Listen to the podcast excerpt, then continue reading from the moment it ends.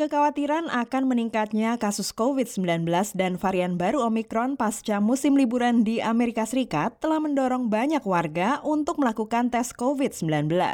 Hal ini menyebabkan kelangkaan tes rapid yang tersedia di berbagai apotek serta antrean panjang hingga berjam-jam di berbagai klinik untuk melakukan tes diagnostik PCR. Warga Indonesia, Nela Susanti, belum lama ini berkunjung ke Amerika Serikat untuk menonton konser band K-pop BTS di Los Angeles dan mengunjungi kakaknya di Washington DC. Di akhir masa kunjungannya yang bertepatan dengan masa liburan di Amerika Serikat, warga kota Jakarta ini mengaku kesulitan mencari tes diagnostik PCR baik yang berbayar maupun yang gratis sebagai persyaratan untuk kembali ke Indonesia. Tes PCR bagi warga yang melakukan perjalanan internasional biasanya harus dilakukan 72 jam sebelum jadwal keberangkatan. Setelah mengunjungi sekitar 10 situs yang menyediakan tes COVID-19, akhirnya ia berhasil mendapatkan tes PCR gratis, namun harus rela antre hingga 7 jam. Seperti yang ia ceritakan kepada VOA berikut ini. Kita datang jam 10 pagi, ternyata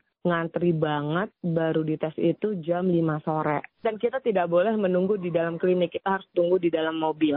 Lama banget. Ada beberapa orang yang marah-marah juga sih kelihatan tuh gitu. Kalau kita udah pasrah aja sih ya, yang penting bisa dites PCR lah gitu. Setelah tes PCR, Nela pun masih harus menunggu hasil yang tidak kunjung keluar hingga hari keberangkatannya. Alhasil, ia pun harus mengubah jadwal kepulangannya. Jadi yang harusnya dua hari udah bisa keluar, ini menuju mau empat hari baru keluar. Nela pun harus kembali berburu tes PCR. Kali ini ia rela membayar hingga lebih dari 2 juta rupiah untuk mendapatkan hasil yang bisa keluar keesokan harinya. Ada sih yang lebih murah. Kemarin tuh ketemu websitenya. Itu dia kalau two days itu 40 dollar. Kalau next day itu 75 tapi untuk sebulan ke depan itu full. Sama halnya dengan warga Indonesia Maura Munaf yang tinggal di Boston, Massachusetts. Setelah mengetahui dirinya bertemu dengan tiga orang yang terduga terpapar COVID-19, Maura langsung mencari tempat untuk melakukan tes COVID-19.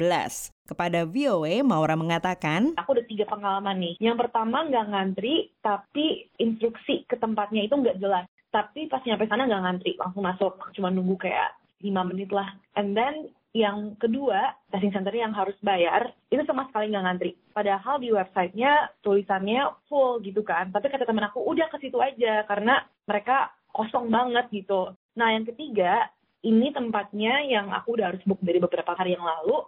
Ini lumayan ngantri sih, 10 menit lah, tapi tetap harus ada time slotnya. Jadi bukan yang walk-in, tapi yang harus ada time slot per 5 menit. But so far, pengalaman aku lumayan lancar ya. Um, aku belum mengalami yang ngantri sampai 2 blok, 3 blok karena aku emang mau nyari yang lebih efisien dan lebih cepat. Walaupun ada banyak tempat yang menawarkan tes PCR, Maura mengaku tetap harus memastikan bahwa tempat yang dituju bisa dan mau menerima uji medis itu. Sebenarnya nggak susah kalau kita Google testing PCR test gitu. Pasti banyak, tapi availability-nya yang belum tentu ada atau enggak. Dalam kondisi biasa, warga dapat langsung datang untuk melakukan tes COVID-19, namun pasca musim liburan di Amerika Serikat, kebanyakan tempat kini mengharuskan warga untuk datang sesuai dengan jadwal yang ada. Ditambah lagi dengan varian Omikron yang merebak luar biasa lebih cepat dibandingkan varian-varian yang sebelumnya. Seperti dijelaskan oleh perawat asal Indonesia Dita Nasrul Chas yang bekerja untuk pemerintah daerah negara bagian Texas kepada VOA belum lama ini. Kan biasanya kita kan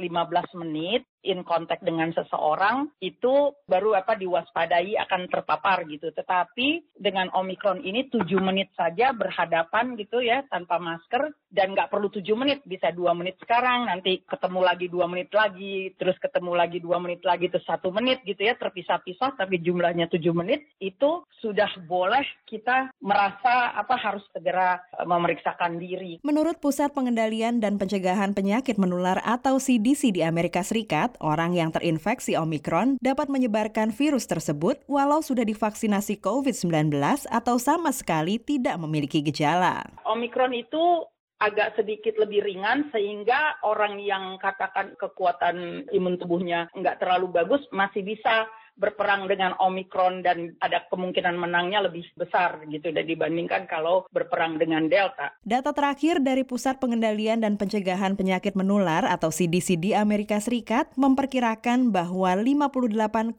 persen dari varian virus corona yang merebak di Amerika Serikat adalah varian Omikron. Varian Delta yang sebelumnya mendominasi kini diperkirakan mencapai 41,1 persen. Dita menambahkan, varian Omikron ini dapat terdeteksi dengan cepat melalui tes COVID-19 seperti antigen. Jadi saya sarankan kepada teman-teman yang mau tes, nggak usah ikut antri dengan PCR, cukup rapid antigen, dan kalau positif, lalu baru minta PCR-nya gitu. Karena kalau enggak tuh PCR itu jadi kebuang-buang. Walau Direktur Institut Nasional untuk Alergi dan Penyakit Menular Amerika Dr. Anthony Fauci sempat menyebut bahwa varian Omicron dapat menyebabkan gejala yang lebih ringan, Dita mengingatkan bahwa yang harus diperhatikan adalah dampak penyakit COVID-19 itu sendiri yang bisa menyebabkan menurunnya kapasitas paru-paru. Nah, pada Delta kapasitas menurunnya adalah sekitar 20 sampai 35 persen dan perbaikannya sekitar 40 tahun.